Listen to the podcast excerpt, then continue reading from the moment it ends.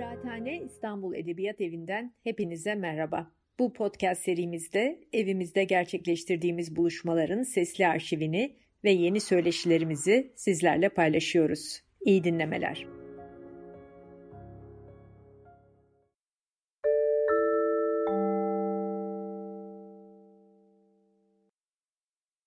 Merhabalar, Kıraathane İstanbul Edebiyat Evi'ne hoş geldiniz. Bizim kitap konuşmaları, kitap sohbetleri serimizin bir buluşmasında beraberiz. Bugün konuşacağımız kitap e, Talat Paşa adını taşıyor. Alt başlığı İttihatçılığın Beyni ve Soykırımın Mimarı. İletişim yayınlarından kısa bir süre önce çıktı. Ve bugün e, bu kitabın yazarı İsviçreli tarihçi Hans Lukas Kieser'le beraberiz. Professor Kieser, good afternoon. Good to see you. Hello, good to see you. How are you, sir?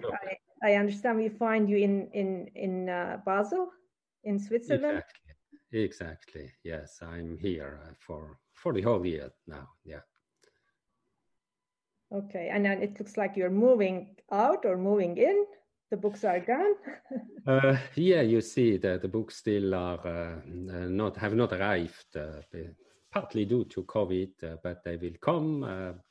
Uh, and so I'm a little bit in between.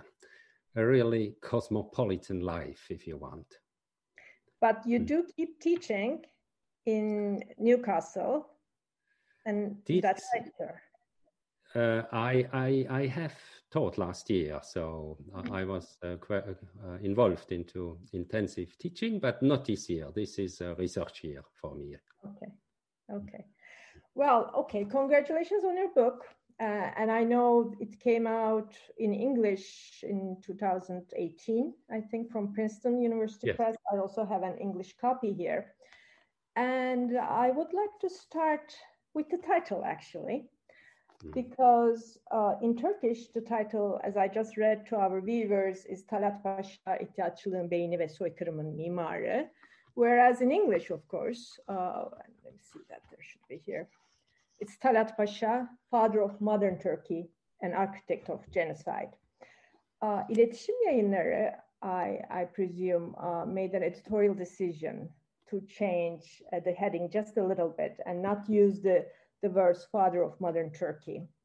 And uh, they were, I mean, to give them, uh, you know, due credit, uh, they weren't secretive about this. They also put the English title on the book. So, you know, the readers can easily sure. see the change there. And I can certainly understand the reasons behind that editorial decision because father of modern Turkey uh, here in this country is, is a title, is an honorific that's reserved for Mustafa Kemal Atatürk, as you know very well.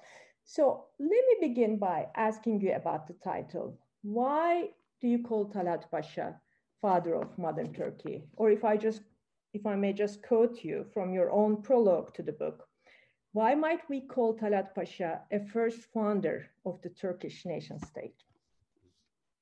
Yes, perhaps uh, let me first say that uh, İletişim, of course, uh, asked me uh, for this uh, change of title, and I agreed with this change. Uh, yeah, and then I took this title uh, also partly uh, in a conversation with Princeton University Press, because my first title was uh, Talat Pasha, demolitionist founder of modern Turkey. So, demolitionist founder was my, let's say, scholarly uh, first title. But I accepted their suggestion to put father uh, uh, because, anyway, uh, you, it is uh, it is a quite a usual usual metaphor to say father of a nation, Ben Gurion as the father of modern Israel, etc., etc. So the metaphor is uh, is is well understood, uh, and and it has a, has a particular meaning and uh, it uh, shows uh, very clearly, in a way, uh, that there were other persons, or in particular one person, fathering modern post Ottoman Turkey before Mustafa Kemal Atatürk. And this, of course, is a, is a crucial statement of uh, this book. Uh, that is uh, to show precisely the groundwork on which, uh, or the shoulders, as uh, Mustafa Kemal himself later said, on which stays, uh, on which rests uh, post-Ottoman Turkey and uh, the Republic of Turkey after the Lausanne Treaty, and that we cannot understand uh, everything until now if we do not see these roots, these direct roots. This is not a vague, back, vague background. These are direct roots. So Turkey is depending still on that uh, groundwork uh, on which I, in particular, and you have uh, seen or yeah, seen it when reading the book, um, I include Zia Gökalp, the close bosom friend of Talat. Uh, who was also in the central committee all the time after uh, from 1909 with uh, Talat so uh, we must see this groundwork, or in other words, this first fathering of uh, of uh, post-Ottoman Turkey, because it went hand in hand with the destruction of the of the Ottoman social fabric. So the Ottoman social fabric was destroyed already years before 1923. Mm. Yeah, I will come to that, and I will definitely come back to the Gökalp, who has also a very important presence in the book, as it was in Talat Pasha's life, and also in the indoctrination of the new Turkish nation state. Um, this is an important book um, in that it is, I understand, the first scholarly uh, political biography of Talat Pasha in English. Uh, the first book, which is focusing on the last years of the Ottoman Empire by putting Talat Pasha in the middle, in the very center, himself, the person, the leader. Uh, but it's also, as you just mentioned, it also, I think, is new and interesting to us because it's uh, it debunks certain understandings we have about the final years of the Ottoman Empire, and especially about the uh, CUP, the Committee of Union and Progress. Uh, one is that we are all taught, and not, I'm not necessarily saying taught by the state, the, the very much limited official educational system here, but also in our own readings as independent and as, as, as wide as we try our readings to be. We mostly see in, in many histories of the time that there is this talk about the triumvirate, this three men, Enver and Jamal and Talat all together uh, as a trio, as a team. Uh, one important uh, thing about your book is that you um, make it clear that Talat Pasha single-handedly ruled the empire toward the very end, single-handedly took some decisions, and he was much more in control than Enver and Jamal in certain critical moments. And we will come to that. But the other thing, again, which makes the book a novelty, for me at least, is, is what you were just referring to in, in the context of Mustafa Kemal Atatürk also, that the understanding we have um, that Mustafa Kemal was critical of especially Enver's decisions because of the you know personal rivalry between them, uh, certain misgivings Mustafa Kemal had about Enver's decisions, including the decision to go to war, as you describe in your book as, as Talat's own, own making. And then there was a clear break from the legacy of CUP when Mustafa Kemal started his own movement, so to speak.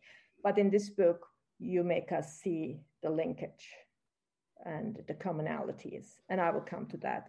Now, I talk too much. I would like to start this conversation by asking you now about your work process a little bit because the book you know when you look at the um, at the end you see the archival work you have done. Of course you have uh, had access to so many you know uh, works done before you. And of course in turkey we know you from your other books like Türklüğe İhtida, Iskalanmış Barış, also uh, published by İletişim and your articles um, dealing with Armenian genocide and, and other issues uh, of the time. Uh, but please tell me about your work, especially the work you did in the archives. What kind of documents, what kind of first-hand documents were you able to, to access and, uh, and how, how long did it take you to do this work and where did you do this work? Yeah, also I had uh, fortunately also some means uh, for research assistances. Else, I would not have been able to process all the data. I uh, used, let's say, the usual archives that you can find also in other books of the period, meaning importantly, of course, the Ottoman State Archives in Istanbul, which I very uh, largely use. Uh, with uh, the, the, there are many, many thousands of documents uh, signed by Talat or dictate and dictated by Talat uh, as a, a, minister of the interior. So it's it was very important to to to see this uh, first these these these primary sources uh, be, especially because he, he is not a big author. He has did not write books ex, except uh, his apology at the end of his life. But let's say um, there are other politicians who write much more than Talat. Uh, there are, his letters then also that I used, um, uh, letters uh, especially, of course, um, those published by Hussein Cahid Yalcin um, for the years after uh, the defeat in World War One. Uh, there are all the memoirs, but now what is special uh, and what I uh, could uh, very much benefit from is that I had a chance to get the newly published uncensored diaries of Javid Bey. So this was really a crucial source for me. This is very dense and vibrant writing day to day. So it's not like memoirs, the retrospective that uh, in a way deforms reality, but it's the day to day writing very vibrant uh, because the, yeah of of of, of Javid's character. And uh, as he, he wrote himself uh, this diary replaced him to a certain extent his wife that he, he lost very very early on. So that's the the, the daily dialogue in a way. Uh, and and a lot of um, uh, also conversations with Talat and letters received from Talat he summarizes in his diary. So you see how important uh, this uh, source has become for me. Uh, another also, also, quite recent uh, source uh, are uh, the diaries of the Sheikhul Islam, who was a member of the CUP. So Urguplu, and uh, this is uh, gives two important insights, even if it is not it is not of the let's say of the same density and not the same proximity, of course, to Talat as is uh, Javid's, but also this. Uh, uh, Sheikhul Islam, who, who was uh, more conservative and, and a clear adversary of Zia Gökalp within the Central Committee. Uh, for a certain time. He was also in the central committee of the CUP.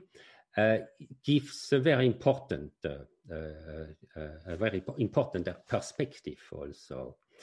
And then that's that's my Swiss source. That's Louis Rambert. Louis Rambert was the director of the Régie des Tabacs which was an important uh, organization within the dette publique, uh, la dette publique, or, or the Ottoman debts uh, organization. Uh, and uh, he, he uh, Louis Rambert was a real political insider of Istanbul from the 1890s to the 1910s.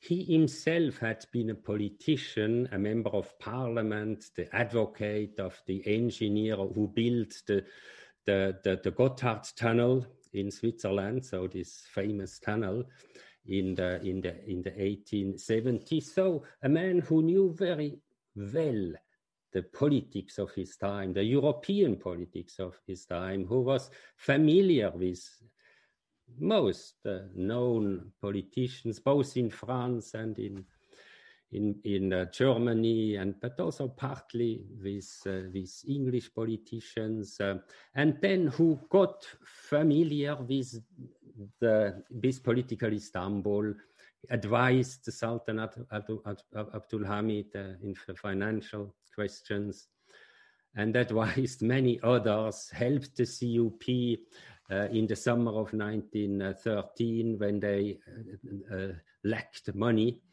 So he was very close to all these persons and had a very independent writing and vision, very critical of Europe, very critical, of course, also of all what was not democratic according to his mind.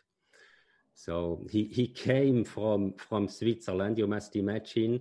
Switzerland, after this uh, revolution of 1848, the only European revolution, constitutional revolution that succeeded. So he was a child of this democratic success, and in a way, he measured.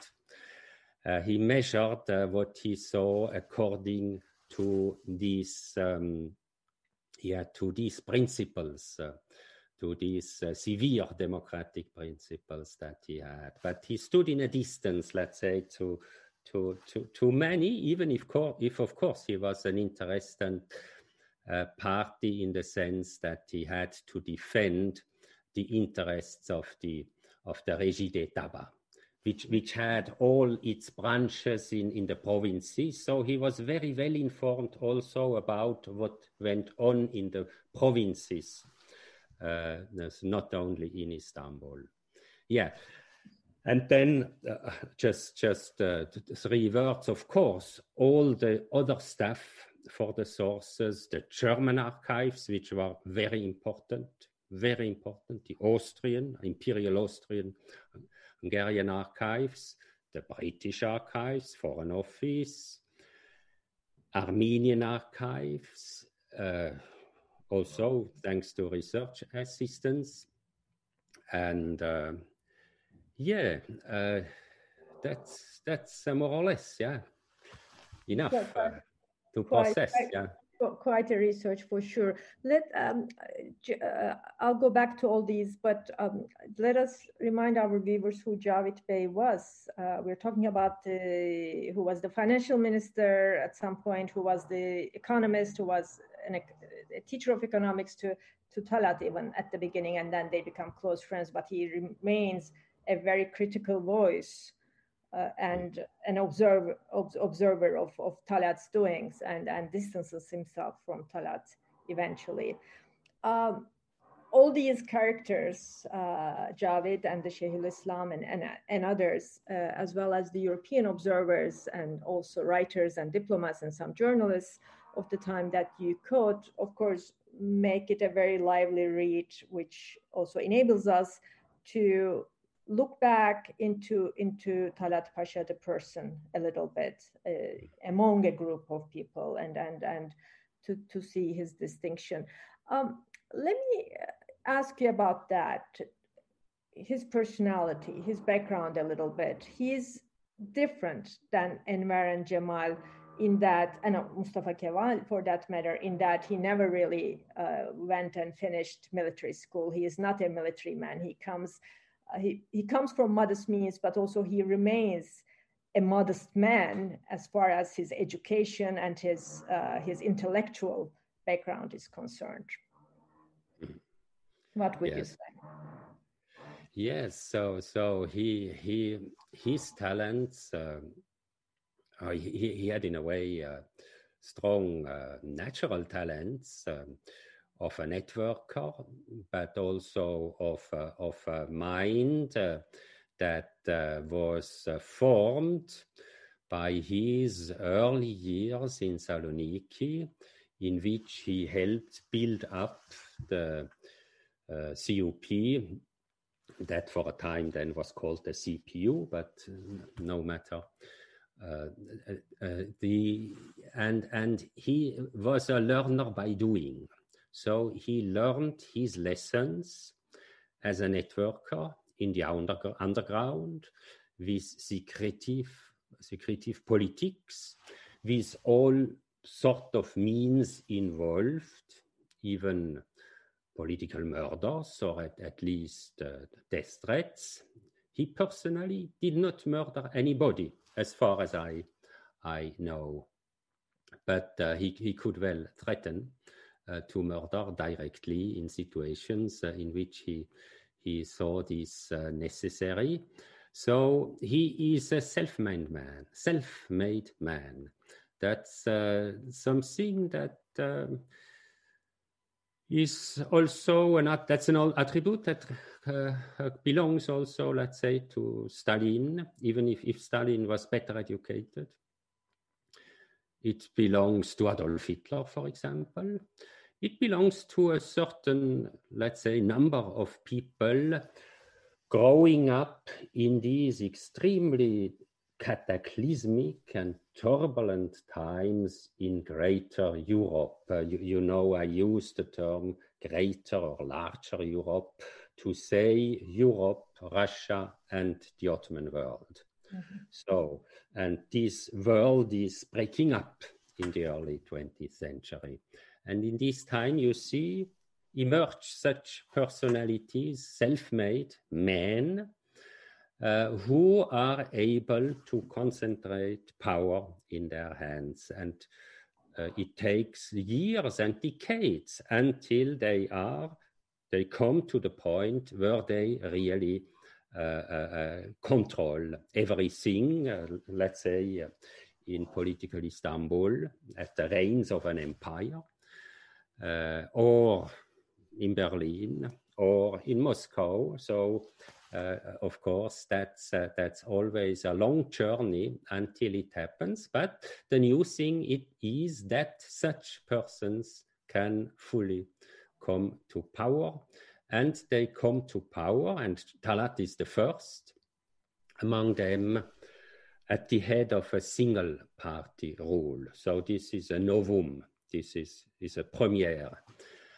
so this uh, single party regime in 1913, uh, uh, even if I, I, wanted to clearly emphasize that he acted from within a committee, from within a secretive committee. So he did not possess and did not want or, uh, this uh, dictatorial position of those after him.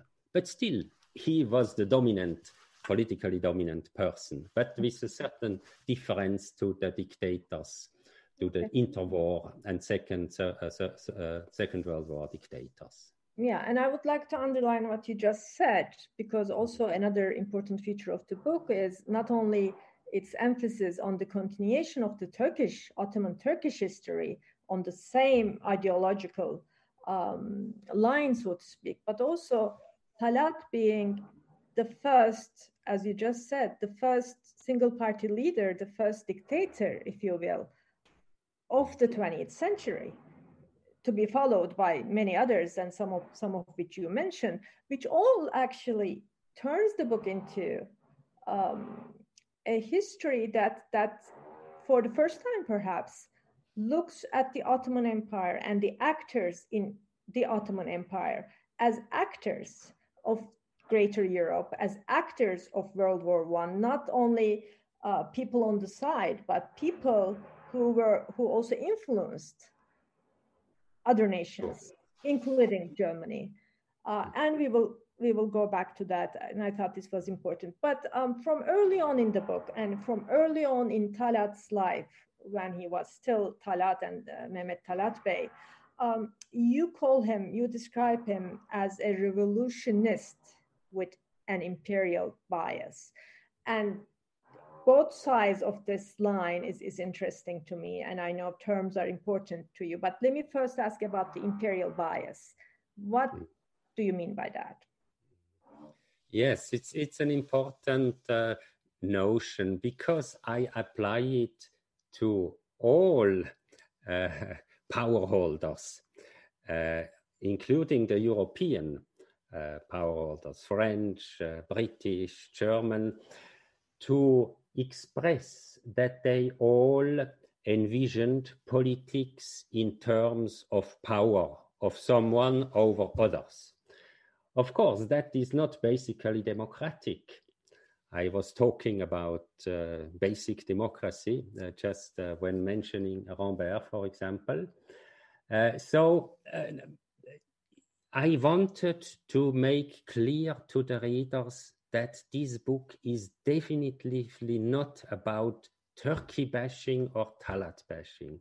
This book is a broad analysis that is very critical also of the European powers, of European potentates, of even uh, the, let's say, the modern French and British national empires who were comparatively democratic at home and comparatively implemented uh, uh, civil liberties, even human rights in the home countries, lawfulness, rule of law, not so in the colonies as, as we know. There often it, it was about, about martial law. So I all I mention all this because it's important to show the context. Uh, Talat and these this cohort they mirrored very strongly also uh, their context their time. And in a way, they mirrored uh, that they exaggerated uh, what they received from the outside. And so let's now come to Talat's imperial bias. Uh,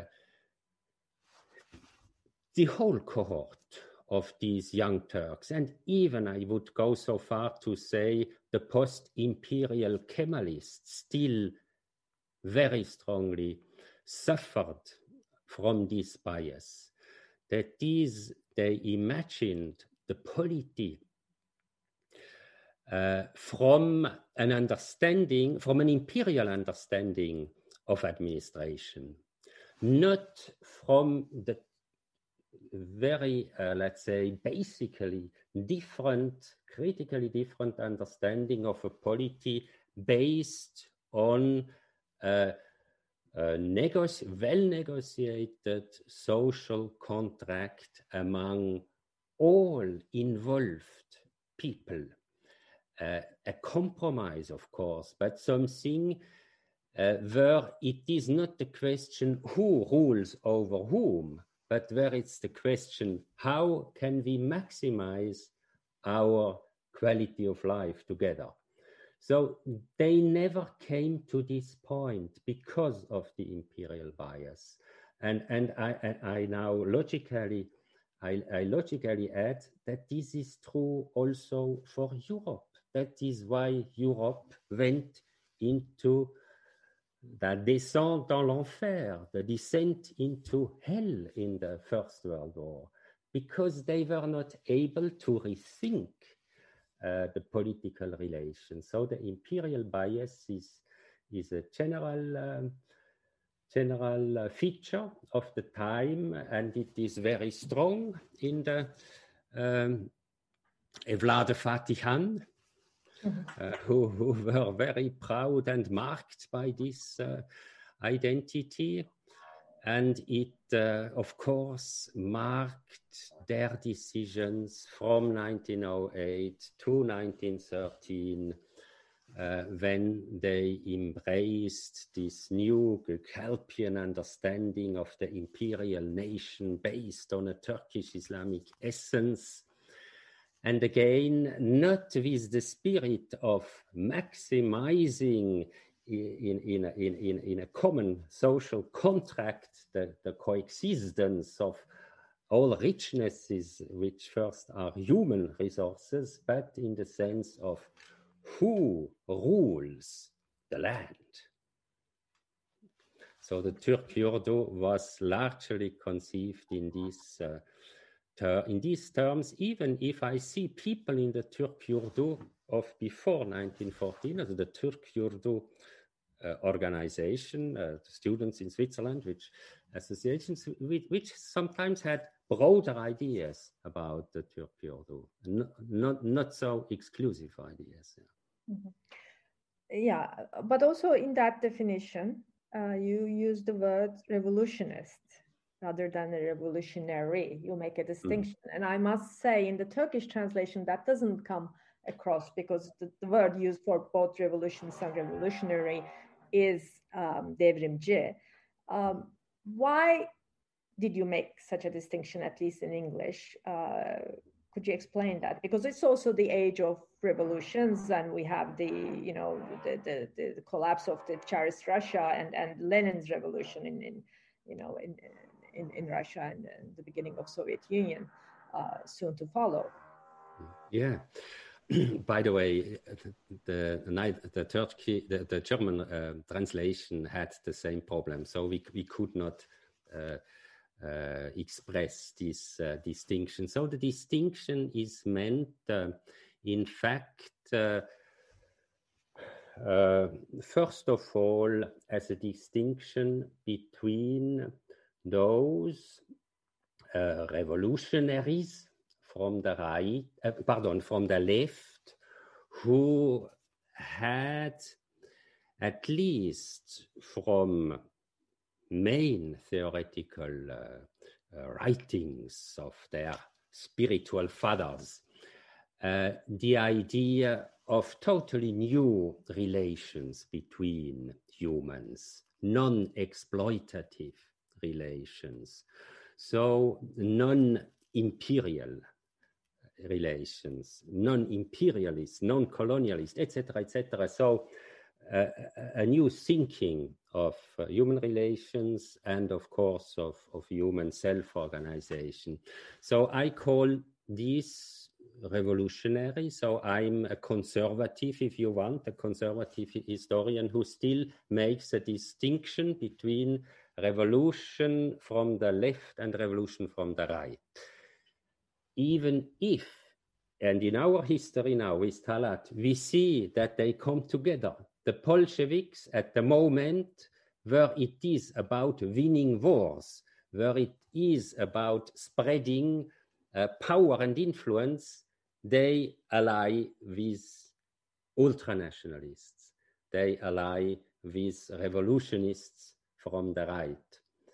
Uh, so it is not an absolute distinction, but I hold to the distinction because I want to keep uh, on appreciating the new thinking which we find among the revolutionary socialists, among Marxists, among all those from the left who had a clearly humanity or, or humankind oriented political thinking.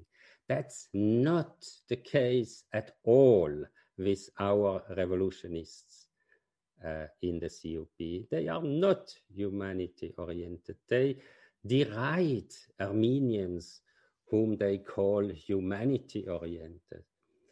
They, they, these, these are these weak, these weak people who, who, who, talk about humanity and human rights and, and they do not understand anything uh, of power. Uh, they are not called to be the power holders. We are called, of course, we are the Evladi Fatihan.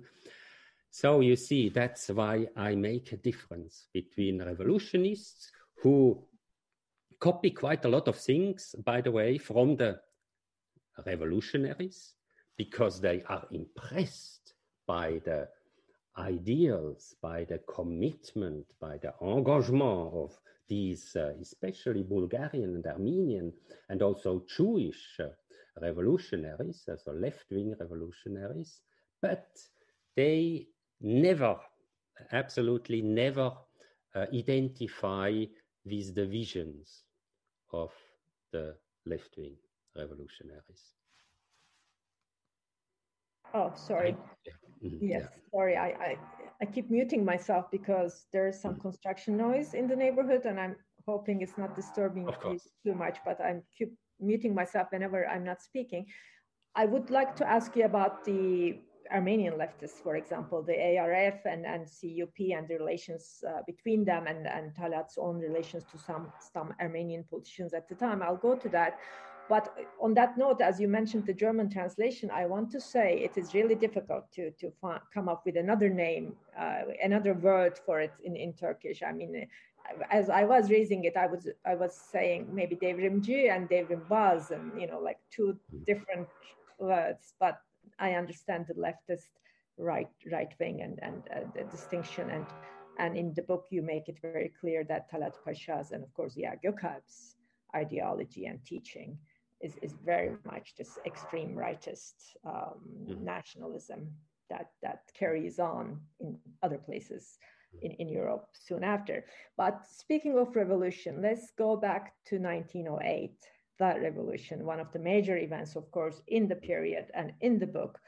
I want to ask you because there are some wonderful passages in the book that you quote from um, like European observers and such, where you know, like Armenians, Jews, and and and Turks and Albanians, everybody, you know, jubilation and um, celebrating together. You know, Hamid is gone, Abdul Hamid is gone, freedom, constitution, parliamentary system. You know, all this, all this. There is a moment of jubilation. There is what you call the Ottoman Spring I would like to ask you was there ever a real chance for a constitutional order, for a pluralistic society, for a new, new system that would be still multi ethnic, that would be still, um, that would turn into an equalitarian um, cohabitation of different nations, different religions, different ethnicities in the Ottoman geography?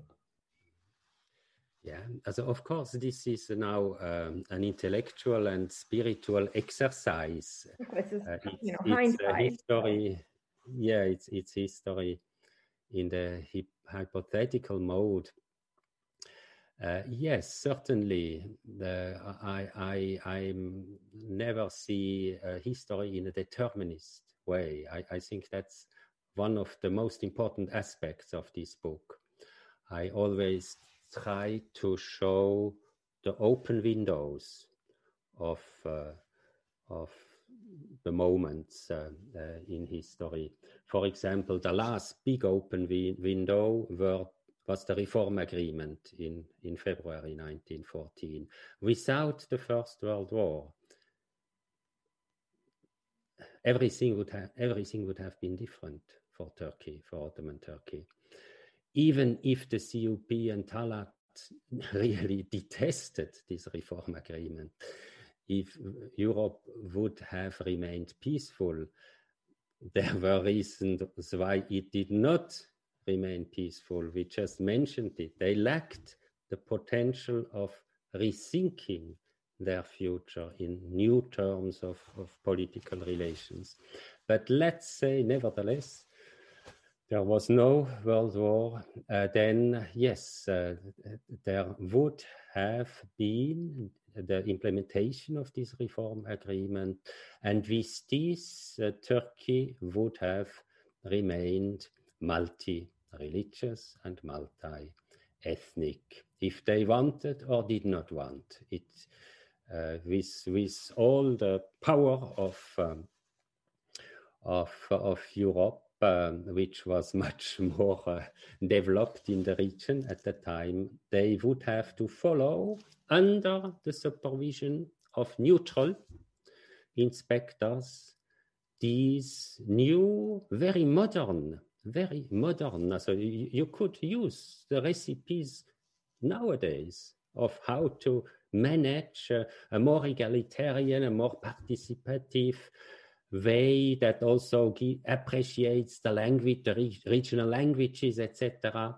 Uh, uh, uh, and that looks at the proportion in the in the security forces, uh, in the in the in the in the, in the in the assemblies, in the regional assemblies, etc., etc. So all these aspects. I do, by the way, not speak because many uh, historians, including in Turkey, confound the first Mandelstam plan and the final reform agreement, which is much more balanced than was the first Mandelstam plan. Okay, uh, but your question, back to your uh, main question. Uh, the empire as such, to be realistic, could not be held, uh, I think, Uh, as a constitutional entity. That, that was really utopian uh, uh in 1908, even if it was uh, wonderful. It, it was an eschatological moment. It was a moment in which all people in, or, or, let's say most people in the Middle East saw for a moment how peace would look like, real peace, so that you embrace your neighbor who is different from you, has another uh, religion and another language perhaps, or first mother language, etc., etc. So, also it, it very valid moment, but let's now, um, realistically speaking, the empire in, in, in, the, in the real world of, of the time could not be maintained vis-a-vis Europe. What, however, could have been absolutely defended would have been uh, constitutional Anatolia. So if all these detour, this way over Gökalpian dreams of expansion and also the restoration of the Arab, uh, including Egyptian dominions, if all these unrealistic dreams of the first year of the World War, and if the World War itself would have been avoided. And this was not excluded. This was not excluded. Louis Rambert, uh, for example, uh, was a very clear uh, defender of uh, Ottoman neutrality. Even if most uh, Turkish historians or other historians, um, who to my mind are much too realistic or lazy intellectually lazy in a way, saying they must enter the First World War. They had no other chance. I do not accept this position. So if they, with a lot of intelligence and, and of course some uh, armed neutrality, they would have uh, avoided this war. They would, of course, already before have made the choice of at least building up Asia Minor as a constitutional entity. Then, yes, uh, Yasemin, we would have a very different Asia Minor, a much richer Asia Minor, because all these minds and all these people who were destroyed or had to go or had to flee, they would, uh, in a, such a constitutional spirit of, of a common social contract, have uh, they, they, would have become the champions of, of, of a modern nation, a little bit. Uh, a big Switzerland in contrast to the small Switzerland within uh, Europe. Yeah, let's uh, return our focus to Talat Pasha again because I, am going to come to the World War One and and the Ottomans' decision to enter, and of course Talat was very instrumental in that. Talat was a decision maker in that. But even before, um, in your book, you make it clear that he is powerful in 1908, right after when he becomes a deputy. And um, in 1909, when you have the counter-revolution, 31 Mart vakası, you know, in April 1909, then you have the Islamists revolting in Istanbul. Talat is very much in control. You say he was the figure in Ayastefanos, where uh, Yeşilköy, of course, where the Hareket ordusu enters the city, and and and and it's almost like a, I want to say, using you know like very present day terminology now, a gift from God, from CUP. You know what happened on the streets of Istanbul. But he the same is true for for 1912. Uh, the the coup in 1912, he uses it then for a total reinvention of yeah. of himself. And he is also. He said, you say, and I I have it in my notes here somewhere. You say it was Talat who had principally prepared the putsch in in in 1913. You know, he was he was the actual.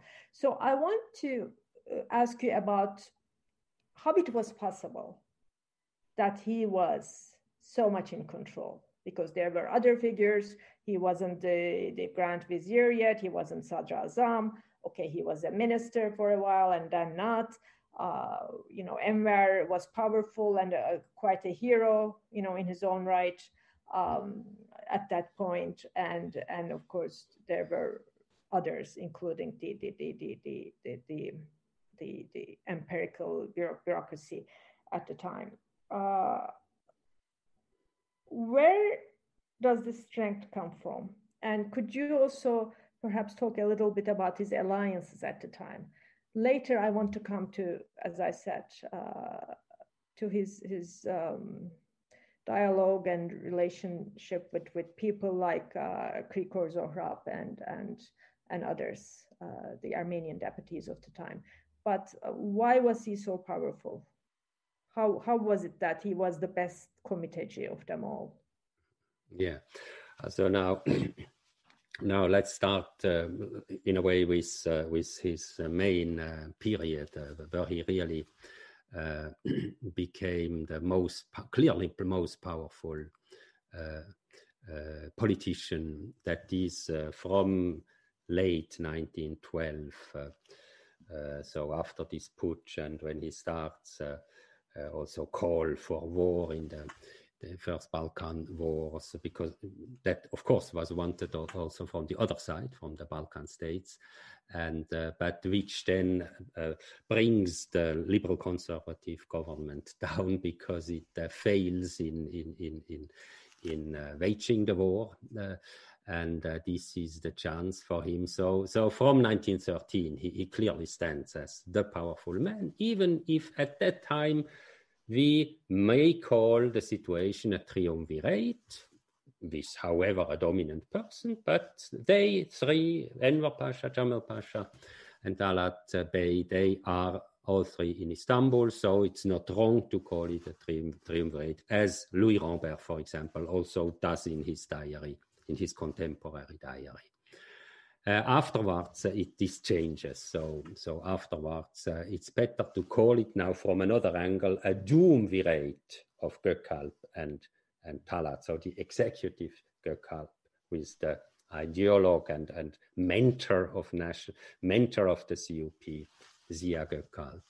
How could he do? So in, in that situation is comparatively clear uh, in the sense that he was the party boss, so he was the person who had the strongest position within the CUP and within the central committee of the CUP because he had been already the main networker in Saloniki because he always had been particularly courageous.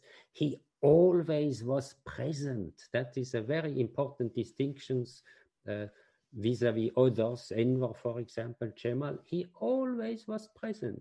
So he could impose himself over the years uh, together with uh, the other uh, uh, qualities that he had. So he was the party boss, that was absolutely clear. And he was the only one among in the, in the central committee who had a long experience, not only in the parliament as a deputy, but in the cabinets. So he could cumulate his party uh, capital with the capital of his experience as a minister. And in this, he was best. Nobody had the same luggage with him than he. Of course, you might also ask what were others' uh, character, personal qualities that allowed him to, to combine then these main uh, power sources, the government and the party. Uh, he, he really was married to the cause. Absolutely. He, he lived for this. That was his life from, I would say, from, from the eve of 1908. So that's one, of course, important factor. He was a bit outside, so he did not go to a military school. Uh, so he but at the same time, thanks to his courage um, and his commitment, that he, by the way, was very able to display all the time. He all the time could make believe people that he was the most committed of them all.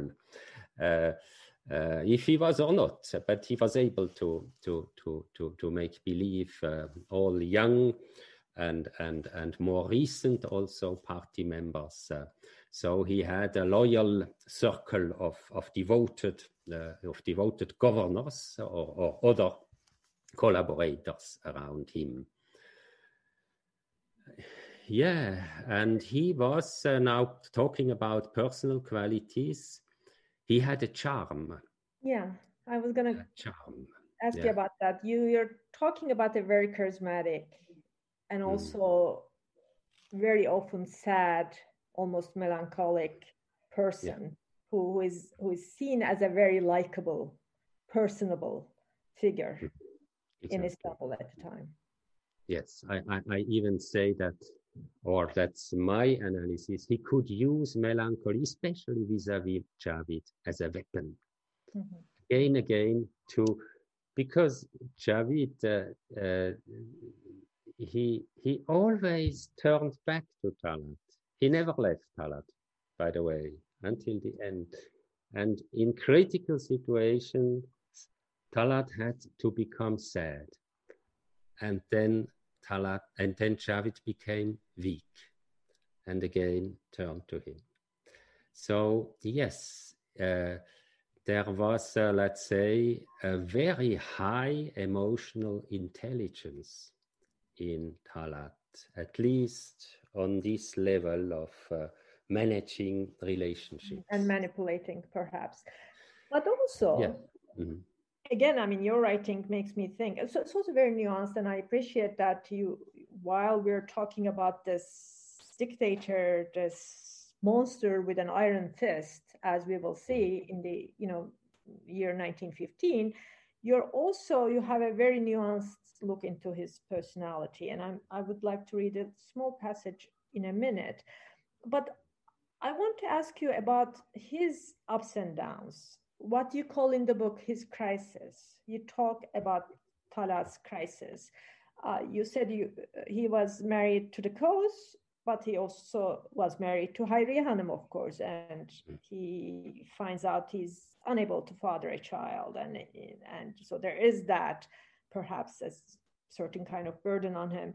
But also in was it in 1911 when he uh, he is the minister, he decides almost I would say out of the blue to resign. And many people cannot understand why he is resigning at the time. And he says, I cannot resist anymore. So, what was his internal conflict? What was he, you know, divided about? Mm-hmm. Yeah, that's of course a good question. And I would say it's. Um, a multidimensional crisis, um, a deep crisis um, in 1911 or so, that only ends then with uh, with uh, the second half of the of 1912 when he reinvents himself as, as I write. So there was this personal aspect. He would have liked as most people, to have a normal family with children. And we do not know. This could have changed to a certain extent his, his political ambitions, for example, could have temperated them. Uh, but then, now more on the level of the political biography, it was really the end of his belief in parliamentarism, in a parliamentary system, in a constitutional system.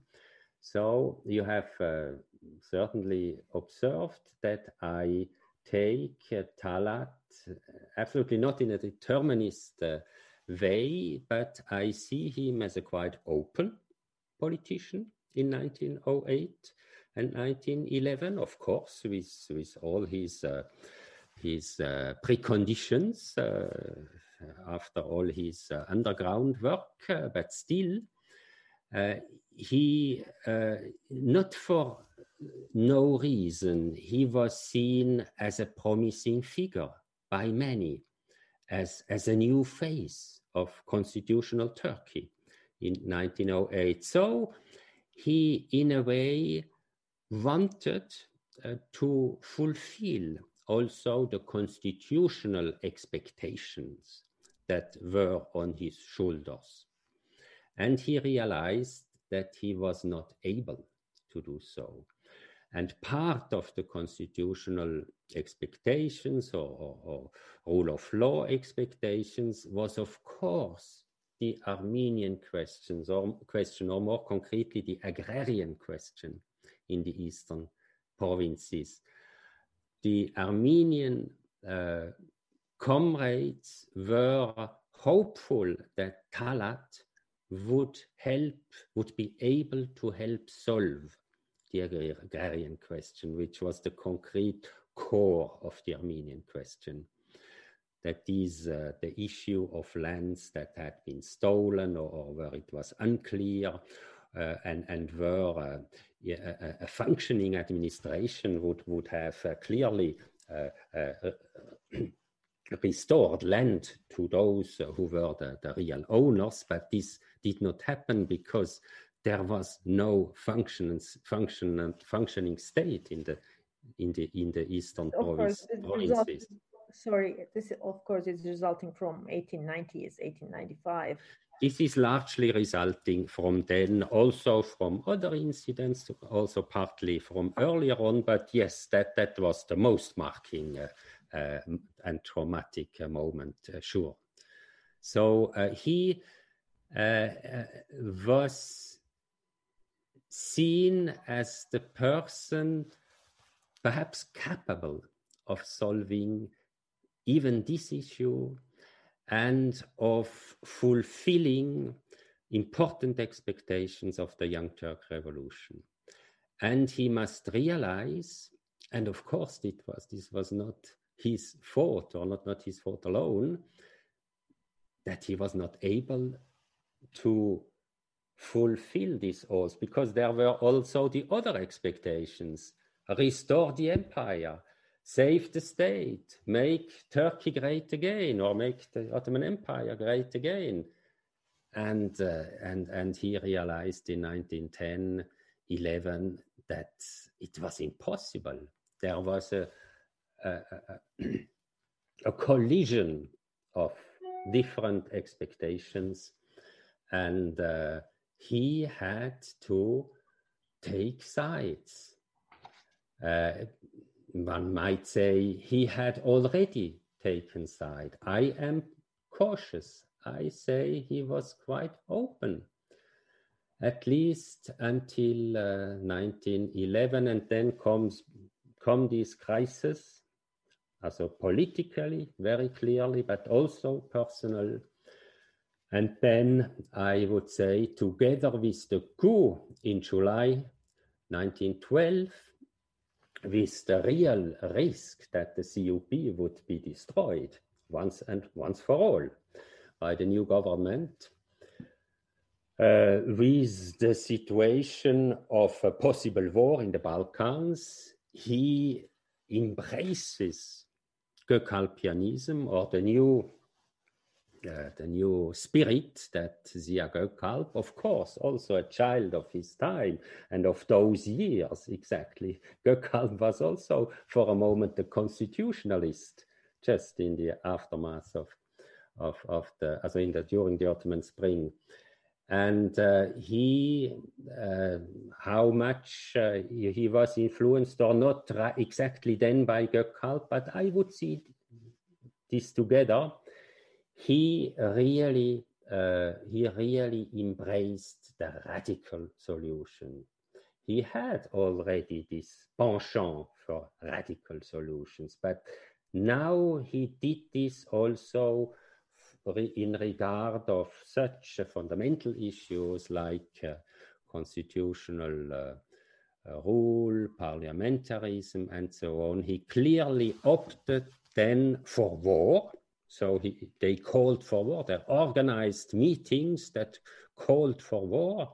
I mean, he became when another. Warrior. I mean, also uh, in the Balkan Wars in, in, 12, 13, and also for the World War One. I. mean, he was a warmonger. He was absolutely, really absolutely fighting yeah, for it. And at exactly. the time when the Ottoman Empire was bankrupt, the military was in very bad shape especially during the Balkan Wars, which you know brought about the disaster at the end.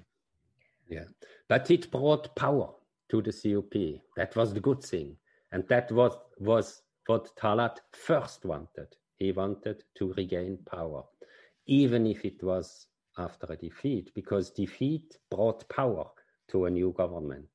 Mm. Defeat allowed a putsch if the liberal conservative government would have been successful in war, the putsch would not have a good chance to succeed. Mm, that's true. And you also mentioned that the, the so called reconquest of Edirne is also very much. Sure. Sure. Yeah. Yeah. Yeah. We see this very clearly from especially uh, Hayri's, also the, the Sheikhul Islam Hayri Ürgüplü's uh, yeah. uh, diary. It describes this clearly. Yeah, I, I would like to go back to the Gökalp, but let me read this one sentence from your own writing from the book, from the English version. You say, and this is describing the time around 1911, I think, 1911, 1912, there was a soul in Talat's breast that cared about the Armenians and he knew well that cooperation with them was the key for a modern constitutional Turkey. You say he knows this, he understands this. And you know, this sentence with what will come afterwards doesn't mm. really, you know, quite you know what I mean, belong here. It, it's just it's just very striking that he has the sense. Uh, I would like to ask you about you mentioned it a little bit just now, but about Gökalp's Turanism and and this mix of religion with with the with the Turkishness, Turkism, and how perhaps for Talat it made clear that the roti would take would exclude non-Muslims. Uh, now the question exactly is uh, is uh, that I describe uh, uh, this new Gökalpian um, ideology that emerges uh, from 1912. Yeah, we, we can mm-hmm. we can clearly say this. Yes, um, so uh, as a Ziya Gökalp, of course, uh, all, was also a member of a cohort, and there are many other names that we co- can uh, can uh, mention. But he is a little bit like Talat in the field of, of politics, clearly the dominant figure uh, in in in the prefiguration, prefiguration and mentorship uh, for nationalism, for a new kind, for a new understanding of the of the of the nation. So the new understanding, the Gökalpian understanding of the nation, uh, contrasted clearly with the constitutional understanding of the Young Turk Revolution. The understanding that Gökalp uh, spreads from 1912. There are very important poems published in 1912, 13, among them Kızıl Elma, uh, Turan, and, and also very martial poems, uh, uh, Asker Duası, for example. Uh, uh, so this is uh, a nation that is not the result of a modern negotiation of a social contract that is then codified in a constitution, but on the contrary, that does not need a social contract, as he writes himself in essays. One must read Gökalp's essays, one must read his poems, one must know his uh, his role in the central committee, only then one understands Gökalp. So it's not enough just to read essays. So he re rejects a social contract because he believes in the given in the given nation uh, Uh, that is in an essentialist nation. And turkishness is is an essence that cannot be questioned that is given. Even of course he says it depends on upcoming on culture. But it depends to such an extent on culture that it is no longer different from race. You, you cannot assimilate to this, to this Turkishness at the end, or, or, or only very exceptionally you can assimilate. One sees the historical example of the Jews, who were very eager of, of some prominent Jews like uh, Tekinalp or um, or, or others, uh, Galanti and and and uh, and uh, yeah, uh, th there are, are, a few examples who really wanted to be a part of this new Turkish understanding of a nation, part of these nations, but they remained outsiders. So, uh, in short, Turk, uh, Gökalp's culturalist understanding of the nation. So that, that was the new 1912 uh, understanding is close to a racialist understanding of the nation. What is, to a certain extent, particular is that it is an ethno religious understanding. So, Islam also plays a very important role in his understanding. Uh, even if then uh, after uh, uh, he went to Ankara and so on, he, he, to a certain extent downplays the pillar of his of this this pillar, this religious pillar of the understanding, but he nevertheless uh, then still integrates uh, the Islamic element as an element of a culture which is unique in contrast to civilization, which is universal, which is, is basically Western, which is the progress that at any price uh, Turkey must uh, uh, also um, attain and acquire.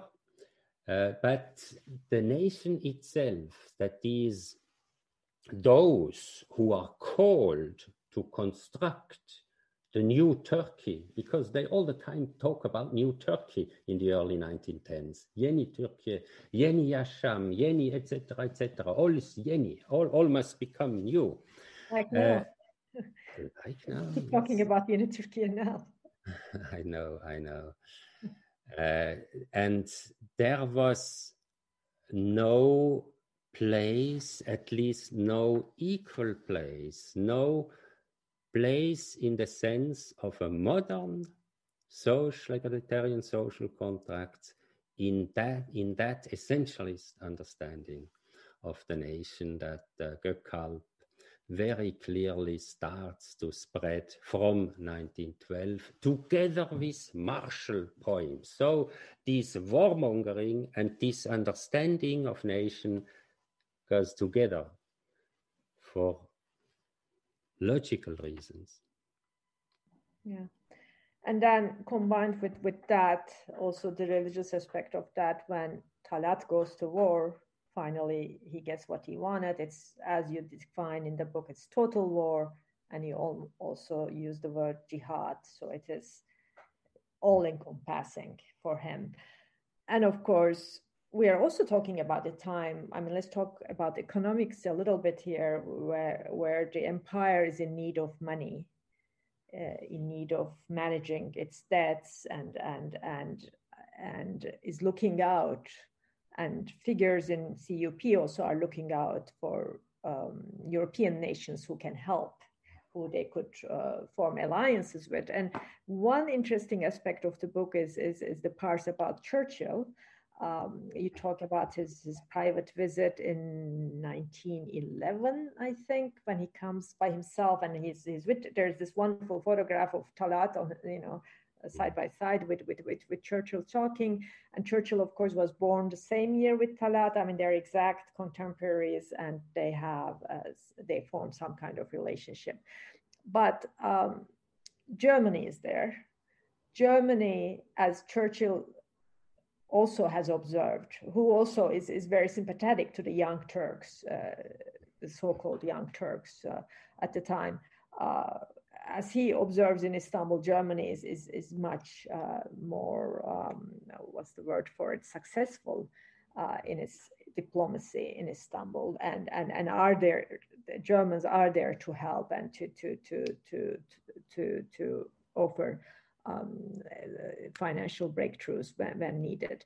Um, there is one, uh, uh, I think, letter written to, to Churchill later on when he is the Minister of the Navy uh, yes.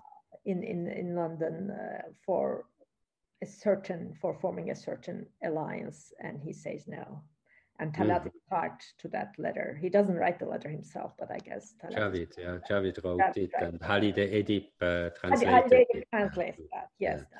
that's, that and uh, yeah, yeah, that's that's interesting because it, it's about expectations. It's it's about uh, let's say hopes. Uh, so the hope is that these young people, so this young Churchill and these young guys in Istanbul, with a lot of hope for the future, for, for a different new future. They could understand one the other via a letter. Uh, and the letter would be look what happens now in, in Libya, in Tripoli. So these Italians, like uh, imperialists, uh, really as imperialists, they invade Libya. That's, that's worst European imperialism that you can imagine. Uh, and then they think this young Churchill must understand this. It's uh, they are right to a certain extent. It's it's so clear. All for old Rambert, it was absolutely clear that the, the Italians were dis- despicable, despicable. Just they, they behaved uh, in a, in an unacceptable way. But Churchill was part of an imperially biased government, so the answer finally was a very polite no. Yeah. And uh, yeah, and so it, that's uh, one of the elements that then led to this excuse, much repeated excuse. We were driven into the hands of the Germans by the others. Yeah. yeah. Mm. But also, you know, then they're left with Germans. They go to war on the side of Germans and as the war continues, as uh, there is this um, uh, victory in, in Çanakkale, uh, let's uh, now we are in year 1915, and um, and we're in the month of April now, and in, in a few days uh, we will have the um, anniversary of the, I wouldn't say the Armenian genocide per se, but at the beginning, the first um, violent act of genocide, uh, which happened uh, on the 9th of April 24th, which was the attack on, on the elite intellectuals, Armenian intellectuals in Istanbul and elsewhere. Uh, we're talking about a time when Talat is very much in control. It's his doing. The genocide, I mean, I read a lot on the genocide. It's not my first time, you know, reading these these um, um, approaches, let's say, and also references to certain documents. But in your book, it's very clear that that the first telegram to Enver, you know, that, that infamous telegram, and then and and then the letter to um, who is who is at the time So it's Halim. Um, to Cemal about uh, now sending the people not to, yes. to the interior but yeah. to to Syria. Mm. Yeah, the second the second about Cemal, but also he he writes a letter to I think Said Halim Pasha, and then. Ah, yes, of course, in May. Yeah. Mm. Yeah, in yeah. May, and then then works on the decree. He he he manages sure. that this, this decree comes about. So all these stages of the genocide, the first violent acts of genocide, you portray a man, the leader, Talat Pasha, Talat Bey, um, leading. He's still not a Pasha, by the way, it's Talat Bey at the time still. He's leading, he's making decisions, he's calculating, he is very well aware of what he is doing. And he knows he's also breaking the Ottoman law he, he is breaking the Ottoman constitution. The decree comes after the fact. Uh, decrees come after the fact. Uh, so, describe, if you will, his mindset at this time. I mean, you talk about him writing in his notebook. This is uh, this is obviously demographic engineering, social engineering. This is social Darwinism, racism, uh, but how much of it was a very pragmatic need, a strategic decision, how much of it was ideological, and was he really aware of what all of that would amount to? Yeah, I I believe so that he was aware of what uh, meant for the Armenians. I, I think that's your uh, now your uh, concrete question. Uh, and um, but for the rest, all elements were in the picture: strategic, security of empire, the new vision for Turkey as a fully sovereign Turkish haven or Turk Yurdu. Uh, so uh, he uh, was the man able to synthesize these elements and to use the opportunities to bring things forward according both to the conditions of the time and the visions, the new visions uh, that were uh, in place. Uh, and uh, he, I say that he was in a way the most happy in that year because the most active. Really, as is described by this uh, German journalist, uh, from which I quote several times, this was a man who was fully in action. And he, he is, let's say, a signature man of action, homme d'action, Tatmensch in German. That's why the Germans admired this new type of, of man of action who, who was able to, to, to withstand all kinds of resistances and, and, and problems and conflicts and, and act and act out of such uh, of such uh, tumultuous uh, situations. So he was very calculated in spring and summer 1915. Uh, and uh, he was very happy and proud about what he had achieved. Uh, that is very sad to say, very, very, very sad to say, because in this way, he inscribed such a criminal, mass criminal act into Turkish history in a spirit which uh, which haunts Turkey to this day. Uh, so he he yeah he was high politically speaking, speaking in terms of a man of action, proud about having achieved much more than Sultan Abdul Hamid had achieved within 30 years. Let me, yeah, let me quote you on that. You say he was boasting uh, for having accomplished more in three months about crushing the Armenians than Abdul Hamid could do in 37 years. Mm. Mm.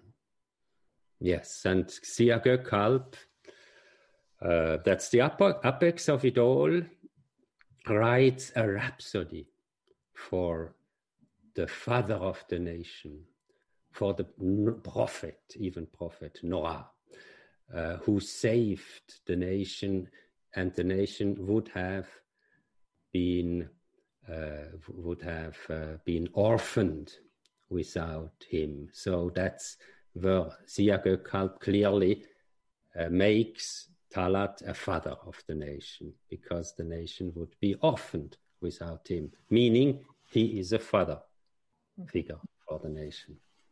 And that's that's uh, that's uh, a, a, poem published 1st of September 1915, exactly after the successful first phase of the, the Armenian genocide in Asia Minor. The second phase is the one then in Syria. Mm-hmm. Mm-hmm. Yeah, they, he of course um, orders sending of thousands and thousands of people, and mostly women and children, because men were already killed you know, mostly women and children uh, sent into, into desert in Syria. Uh, what was the toll? And I'm sorry, but I'm asking about the human toll of the decisions made by Talat in the year 1915. So you are, you are talking about the Armenian deaths. Yes. Or Armenian deaths. Yeah, uh, so he, he has his notebook and he, he uh, in a way, proudly noted, or at least soberly noted, that he had removed now, of course, uh, I do not know by heart, but more than a million Armenians from, from, uh, from Asia Minor. And there are a few provinces that he, and places that he do, does not mention. So so this is not a complete figure, but already this figure is more than a million. Uh, now, so these are the removed. They perhaps a half survived and went to, into these extremely poor and provisional camps in the Syrian desert, in which, according to Talat, a year earlier, when it when they talked about the Muhajir in the parliament, said that people would die there in the Syrian desert. That's his words when he is answered to Emanuelidis what would be when Muhajir would be sent to the Syrian desert. Uh, yeah, and we know that uh, thanks to Cemal Pasha, uh, perhaps 150,000 Armenians, as Armenian survivors, were formally Islamized and sent further to the south and saved in this way. Mm-hmm. Uh, one may add others who could escape. Uh, and we know then also of the final massacres that uh, according to, to the Swiss teacher who, who was then leading uh, partly legal, partly illegal uh, work uh, for orphans and illegal work for those in the camps, not saving them, but say, at least saying them, we think of you, you are not to- totally forgotten. So for she wrote that more than 50,000 were massacred at the end, that is summer of 1916. We have now a very recent research by Khatchig Mouradian, mm-hmm. who has really done a whole doctoral dissertation about the issue. He says that between 100 and 2,000, uh, pardon, 100 and 200,000 surviving Armenians, astonishingly surviving Armenians, seeing the conditions, those who survived still until the, the, the, the summer 1916 were massacred uh, east of Deir. So, what was the toll? A million Armenians were killed. Let's put it this way. Mm-hmm. And when this is happening, as he's making these orders, Krikor Zohrab confronts him, basically asks him what he is doing, and, and calls him to account. And of course, he doesn't. Uh, and this is a man he, he has worked with in the parliament together, and they have cooperated in the past. And uh, remind us, if you will, what happens to Zohrab and what happens to Serengülian, also another another deputy, again under Talat's orders. Yes, uh, also both uh, were not part of those uh, already arrested in the night, during the night of 24th to 25th of April. Zohrab played cards with Talat in the, I think was the 1st of June, and in the same, during the same night he was arrested. And before he had tried to, to, to, to intervene, to, to recall to his uh, CUP comrades, but in particular to Talat, that they were Ottomans, that they, they had worked for the Ottoman uh, constitution, for the Young Turk Revolution, and uh, that in his capacity of an Ottoman deputy, he uh, deserved answers from Talat. And Talat's reaction is to- totally from the above down, uh, that is from a power holder down to a victim who has no longer, in Talat's eyes, any influence, any power, but who is totally dependent on him uh, so uh, Talat did not long think about the aftermath, about what would think the world a century later, and and who would be the credible person, the one uh, whom the posterity would uh, miss, in contrast to him. Uh, so then finally after the, this first uh, June, he was, uh, was arrested and they were sent together with Serin Gülyan to so-called trials in the Diyarbakir. Everybody knew, everybody who had any idea of, of what was going on knew that this was de facto a death sentence because people did not arrive there. And Javid, by the way, writes this very clearly in his diary. So this is a death sentence. This is extremely shameful, and nobody uh, intervenes. As a, no, not um, the number four. Uh, forgotten his name now. You know whom I mean. The number four in the CUP. Uh, also foreign minister then.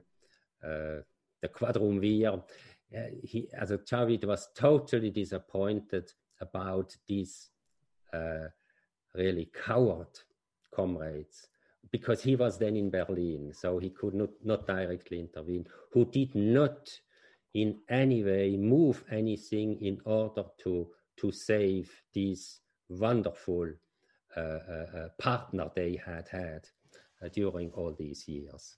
And in fact, they were killed near to Urfa, and we have very clear reports on this by a Swiss doctor who lived at that time in Urfa, who even had, uh, so his colleague had to had to write down a totally falsified uh, medical uh, attest on the on the death of uh, of Zohrab.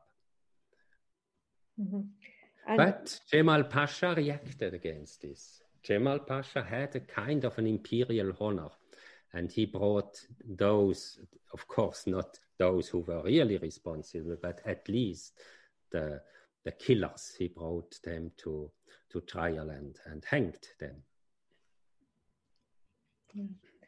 Uh, there's this amazing letter Zohrab writes on mm. the way to the Diyarbakir, I think, from Konya somewhere. From Konya, yeah. Mm. Would you like to say a few things on that? Uh, you might read it. I'm I'm trying to find it, but I'm as I'm trying to find it. Do you want to describe it? So it's a it's a very dignified uh, language in which he again or a last time tries uh, to speak to the old partner and comrade Talat, but as I said, Talat was a new person, a reinvented, radicalized person who was no longer uh, in any way attainable uh, by a human language from human to human. So this is a, is a, is a very, very sad, um, very, very sad, um, uh, how to say, legacy that he left to his country. This blocking of a human dialogue in a decisive situation, but uh, preferring uh, killing. Mm-hmm. The seemingly simple way to get rid of, of an adversary, of, of, of, of a difficult or challenging situation, mm-hmm. perpetuating the, the problems, e- even worse, leaving a legacy of, of uh, criminality. Yeah. Yeah, I'm sorry, I, I lost the post-it which was marking that that um, uh, paragraph in the book, but uh, another reason for the readers to buy the book and and and to look for that. Um, it, it's again, it's uh, to me uh, valuable and important that you mention Jamal Pasha's um, reservation, or at least uh, a more honorable attitude and, and at least an effort to save at least some uh, some of the victims. Uh, was Enver an onlooker? Enver was not an onlooker. Enver was absolutely in favor of destroying the Armenians. Uh, even if uh, Talat was the main organizer or architect of destruction. Enver was, uh, was a strong advocate of destruction right from the start. So, so we should not too much detach Talat from the committee. I, I, I, wanted to really to emphasize this. He was within the committee, the most dominant person, but who mirrored the others. So that's the way he, he proceeded. He, he mirrored or he synthesized the others. So he was not a detached person like Mustafa Kemal, who, who gave orders from, from above. So Enver was uh, very clearly an advocate of destruction, and this went on even in summer 1918. We have an, a, a telegram to one of his generals who, who advanced uh, in the Caucasus, and in which uh, he very clear, clearly writes that the Armenians must be destroyed, uh, uh, not perhaps not totally annihilated, but nearly. They should be made enabled to reorganize themselves politically. So there is this anti-Armenian hate and, and exterminatory stance uh, that we see uh, as clear in Enver, or perhaps clearer even in Enver than in Talat, because Talat had been a partner of the Armenians for, uh, for a certain times, not Enver. Mm-hmm. Okay. And I want to ask you about the German complicity. And I know you have written elsewhere about this. I have read your, your article on, on that. And it's also clear in this book that they do have these conversations with the several German representatives in Istanbul at the time. And if not a clear green light,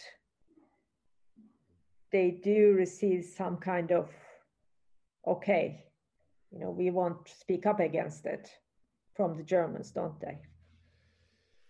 Uh, let's be very precise.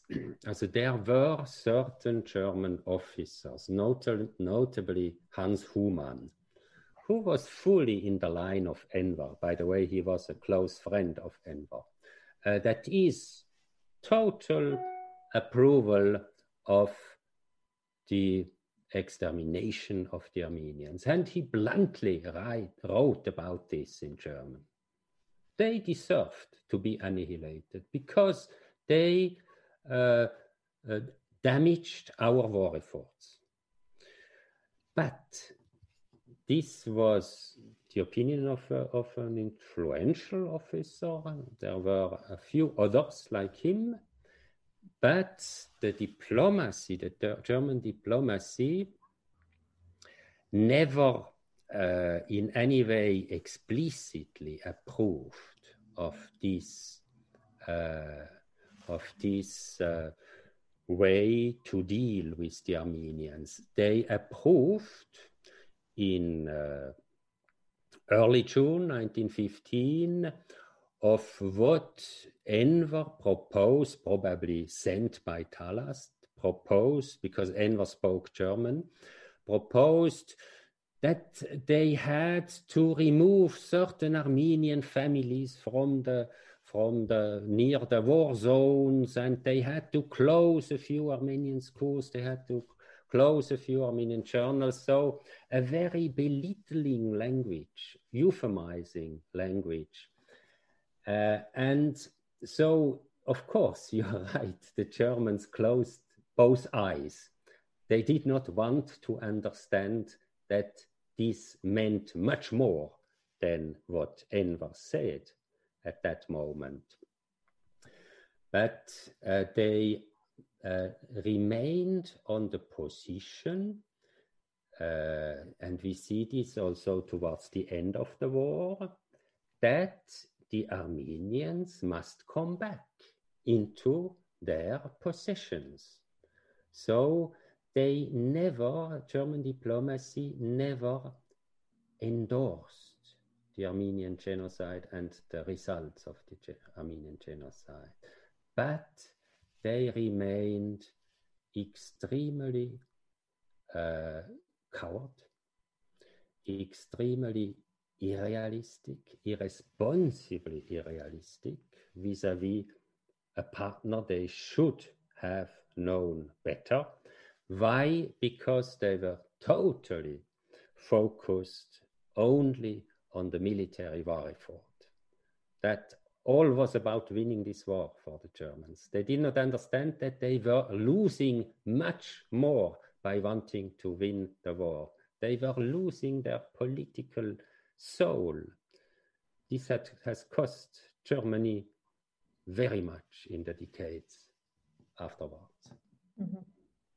And in, in those decades, in about 20 years, uh, as you also describe in the book, uh, what happened in Deir ez-Zor would become, if not a model, but a certain type of example of what would happen in Germany. So there is that linkage that Raphael Lemkin, who actually, you know, in Berlin would go and and, and observe the hearings um, in which um, Tehlirian, wasn't it? Um, yeah, yeah. So he was not personally, he did not personally attend but he, observed very closely yeah, he through the press reports. Yeah. Mm. Uh, I'm sorry about this noise, but uh, uh, after that, you know, those proceedings played a part in his coming up with the word genocide. Uh, eventually, he, sure. he was he was mm. an observer of that. Um, after uh, the genocide, when Armenians were dealt with so to speak. Um, we have, of course, from 1917 on, a full fledged dictatorship. Uh, and the leader there is, is, is Talat uh, himself because he becomes a pasha, the honorific title of pasha, the grand vizier, but he is also minister, interior minister. He is also, I think, a finance minister. He controls foreign affairs. It's almost a one-man regime, almost. And I understand your emphasis on CUP because, of course, they are very much there. Um, you also in the book talk about uh, this special organization, this Teşkilat-ı Mahsusa, uh, and again, it goes against to what I used to know before reading this book, but it is not only Enver who controls them, Talat is also very much in control and orders them around. Let's talk a little bit on that also, please. Yes, so meanwhile, there is some more research on this um, uh, by a professor at uh, Bilkent University, Özel, I, think Oktay Özel, if I'm not wrong. And uh, but it is also already in my book. I was myself surprised to see Talat so closely involved and being the addressee of Teshkilati Mahsusa people. Uh, so that Teshkilati Mahsusa that uh, totally failed, or let's say that became in a way useless because the campaign and invasion of the Caucasus failed in uh, late 1914, these Teshkilati Mahsusa people uh, that was then used during the Armenian genocide. Uh, this was uh, to a large extent in a close uh, communication uh, with uh, Talat, so that we see in, in those telegrams that, that are accessible uh, often Talat as as as as a correspondent and and as a leading as as as an order giving correspondent in in the in the correspondence with the uh, Teshkilati Mahsusa people. Also this is notably Bahaeddin Shakir, Ömer, Naci, and uh, so those who who were in Erzurum and uh, yeah corresponded from there. Uh, the Teshkilati Mahsusa uh, was the private army of the of the of the party. It's so, a paramilitary organization.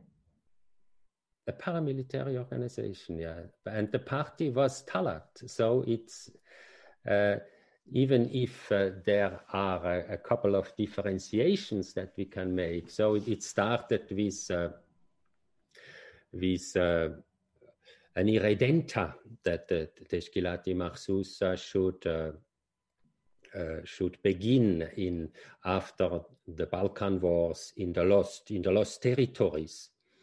Uh, and even one can say it partly started already in Libya, but uh, we see it uh, in, in terms of an organization that then continues uh, in the in the late 1913.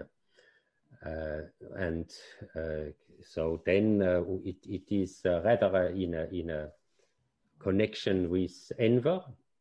But already when we see the Teshkilati Mahsusa again uh, a few months later, terrorizing the Rum in the region of Izmir in order to expel them. They are very successful, as you know. So uh, both Thrace, the eastern Thrace, and uh, and uh, the region of Izmir taken together more than much more than 200,000 uh, uh, Rum they they succeed in expelling by uh, terror without much murder certain murders. But it's not a mass killing. It's it's just terrorizing intimidating people in their villages. So we see again talat with having the lead so Talat was very close, of course, to this uh, paramilitary organization of the party. He was the main party boss. Yeah, also because Teşkilat-ı Mahsusa became a tool of Talat's demographic engineering. Sure. As yeah. you just described. What do you say to the um, to the thesis that to the understanding that yes there was Teşkilat-ı Mahsusa there was the CUP's paramilitary organization but for example Armenians had their own you know paramilitary organizations their own gangs there there, there was a rebellion and you know they part of the part of what happened in 1915 had to happen because there was an uprising uh, in the making. Yeah, also the, the military documents very clearly do not speak about the general, explicitly say there was no general uh, rebellion in spring 1915. Which military documents? Uh, military documents uh, that were then published by the Attaché in Ankara.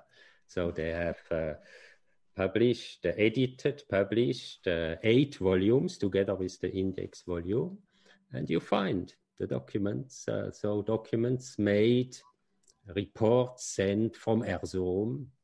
So they they are not they are not able to to use the situation for a general rebellion. So even in, in a way, in a, in a denigrating tone, uh, because there was chaos and, and, and they could, if they would have been, uh, if they would have wanted or been so well organized, they could have done or, or one could have imagined that they would do a general uprising. But there were uprisings or self-defenses at certain places. So it's a difference to speak about, uh, let's say, Russian sponsored general uprising uh, or, or, British sponsored or whatever you, you want to say, and largely self defensive uh, uh, uh, incidents, armed incidents, as is what comes from the sources uh, and uh, this is something uh, that is clear about, and that is logical. Of course, Armenians wanted to defend themselves. They were even encouraged in the aftermath of 1908 by the CUP to arm themselves, to defend themselves against, for example, Kurdish tribes. So mm-hmm. there, there was, of course, this uh, this aspect of self-defense uh, at several places, uh, but it was uh, largely unsuccessful, except, for example, yeah, except Musa Dagh, and and partly Van but only partly in Van. But it's it's for a, a historian of Greater Europe. It's absolutely not. Uh, there is no surprise in this. Also, you see a lot of Jewish uh, resistance in Eastern Europe. That's something that sometimes is forgotten. Today is the Holocaust Remembrance Day. Uh, and Israeli, the Israeli uh, newspaper just uh, two days ago, the Haaretz has published about the forgotten Jewish resistant fighters in Poland. So there were networks of resistant fighters who, who fought during the war against of course, the Nazis uh, who, who, who, who wanted to exterminate them or who wanted, yeah, who, who at least it was not clear for everybody from the start that they wanted to exterminate them, but they knew that they did not want something good for them. So it's not at all surprising to see, of course, a threatened, a, a mortally threatened group to try to organize armed defense. It's, it's more than natural. The difference would be a truly elaborated system of, uh, of uprising in close uh, collaboration and coordination with the enemy only that's not what the sources, including the Ottoman sources, Ottoman military sources, tell us. It's what Talat needed as his narrative in his telegram of 24 April 1915. Yeah. And uh, we have been talking uh, for nearly two hours, so I will um, have to wrap this up, and I don't want you to tire you much more, but not without talking about the end, of course, and and and Talat's narrative of events. Um, uh, in 1918, the war is lost, CUP uh, falls from grace, CUP leaders flee the country, Talat goes to Berlin, uh, exile in Berlin. And of course, another nationalist movement is, is emerging uh, in, in, in, in, in, Anatolia under the leadership of Mustafa Kemal. Let's talk about two things. One, his memoirs, his apologia, as, as, as you call it. Um, what does he tell? What does he leave out? How does he portray what he did? Yeah, as let's say the, the first um, very striking element is that his memoirs, as what they have been seen since then, largely talk about the Armenians. So we see this is what occupied his mind. Mm-hmm. This he is. Knows. He knows.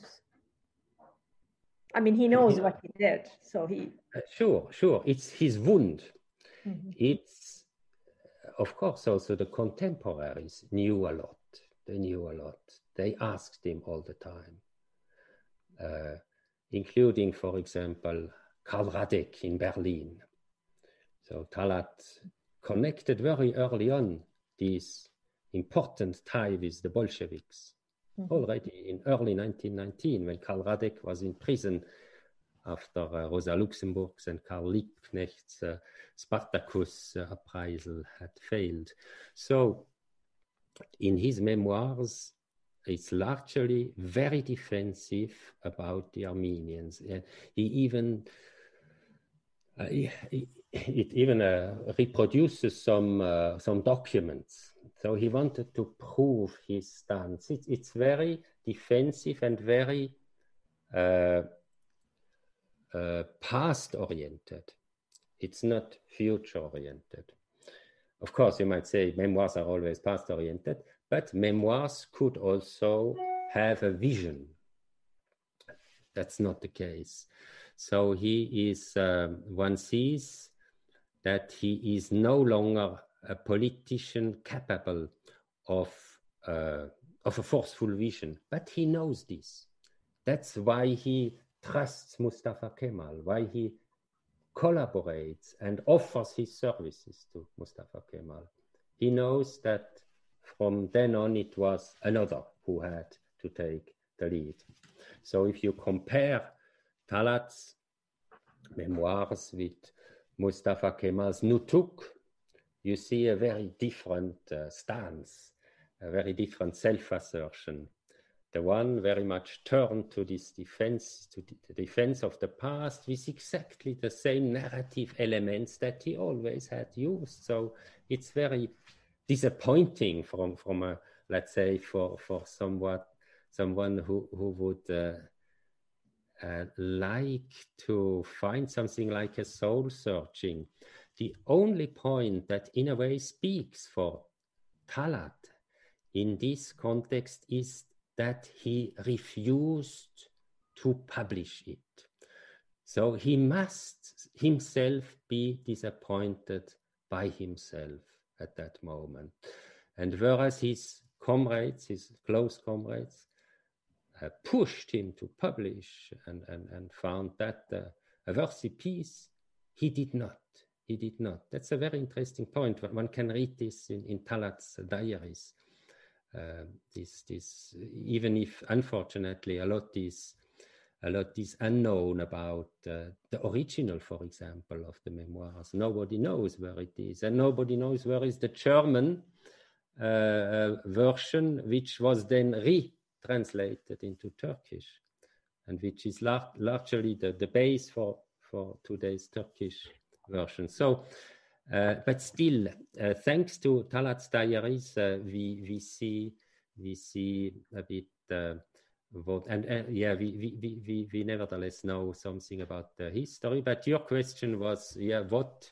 So it's largely defense, and also it is um, yeah, it, it is an, an account of, of what he wants uh, uh, to be, and, and, and he uh, re represents himself as a Turk, Olu Turk.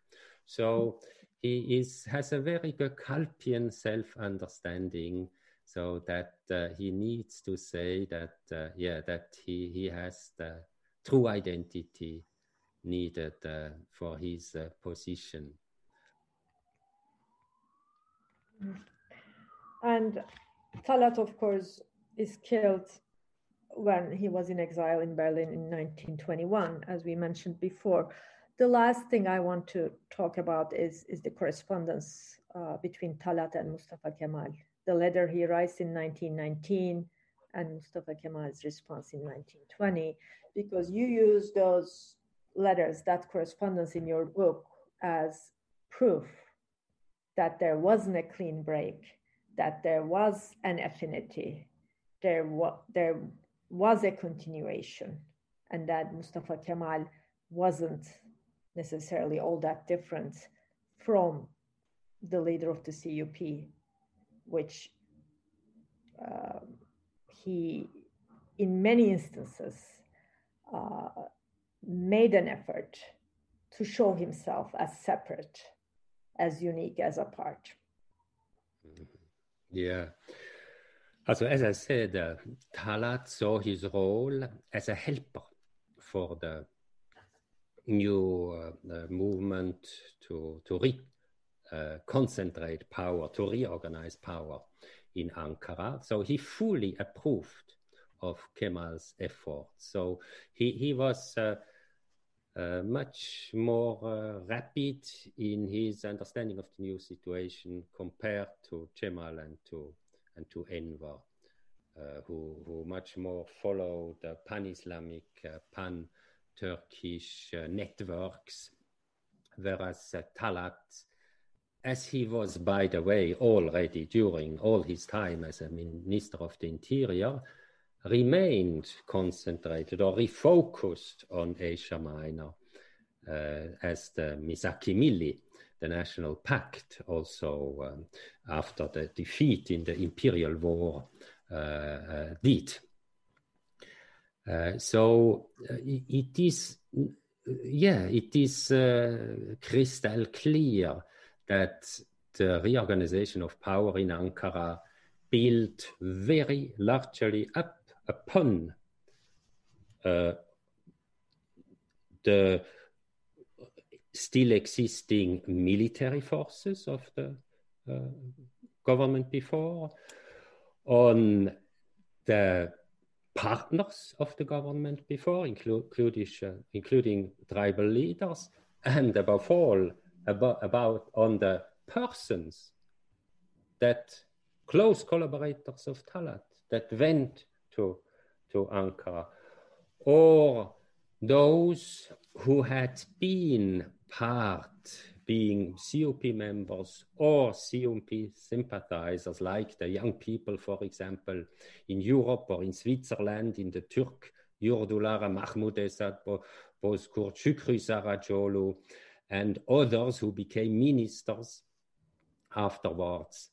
Uh, they, they were clearly pro-CUP people, very young people, uh, and and also very uh, let's say um, very uh, influenceable people. So they were ideal for a kind or for a certain break in Ankara, but that does did not say that this whole grounding work that I have mentioned and which of which certainly the most incisive was the demographic engineering, was fully approved of and used for the new projection, for the projection of the new state.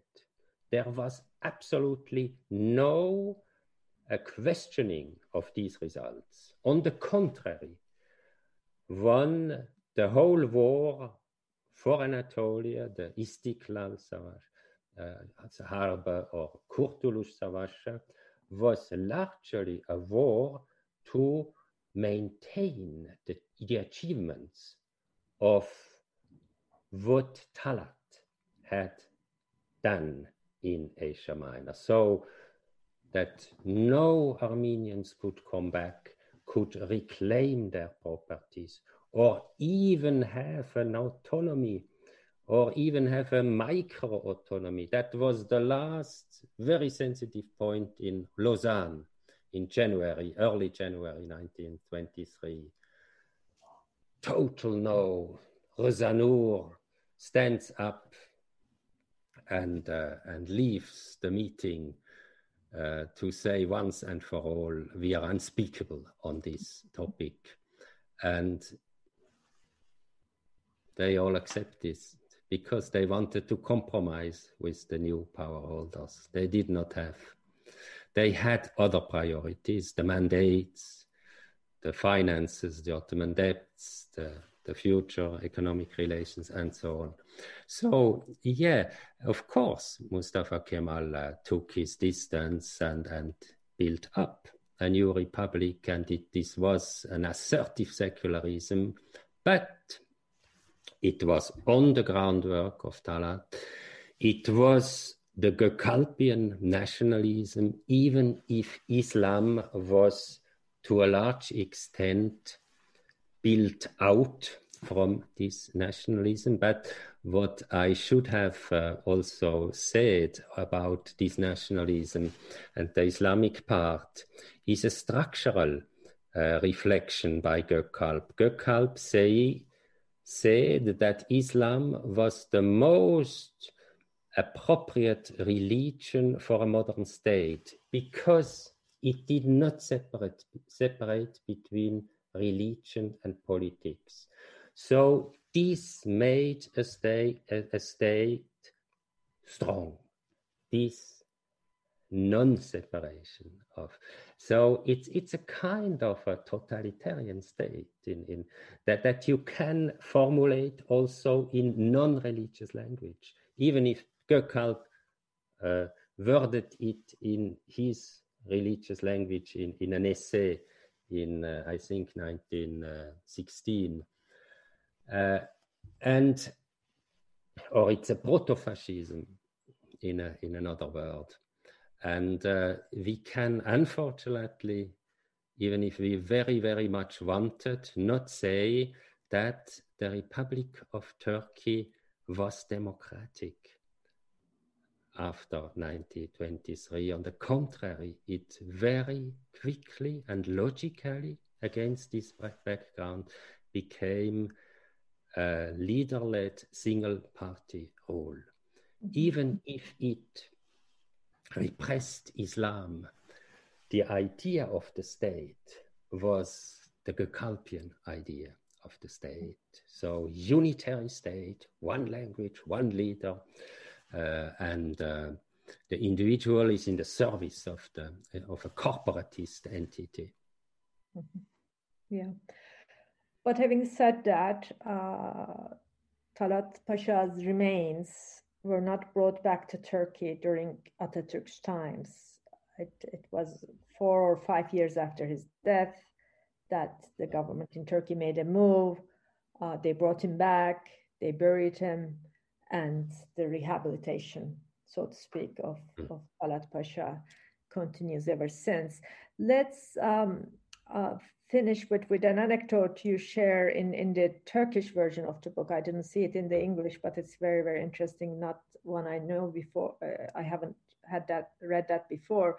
It's uh, Celal Bayar uh, mm. visiting Hayriye Hanım. would you mm. want to share that, what he says there? Uh, Do you remember? Yeah, as a child, I had uh, said uh, my my excellence. I, say, I think, or she he says to Hayriye Hanım, and she is very surprised. Why why why, why this title? And she's and he said, but you you are the the wife uh, of uh, Talat Pasha, my boss or my chief. My chief, Chefim, Chefimin. Sheffield.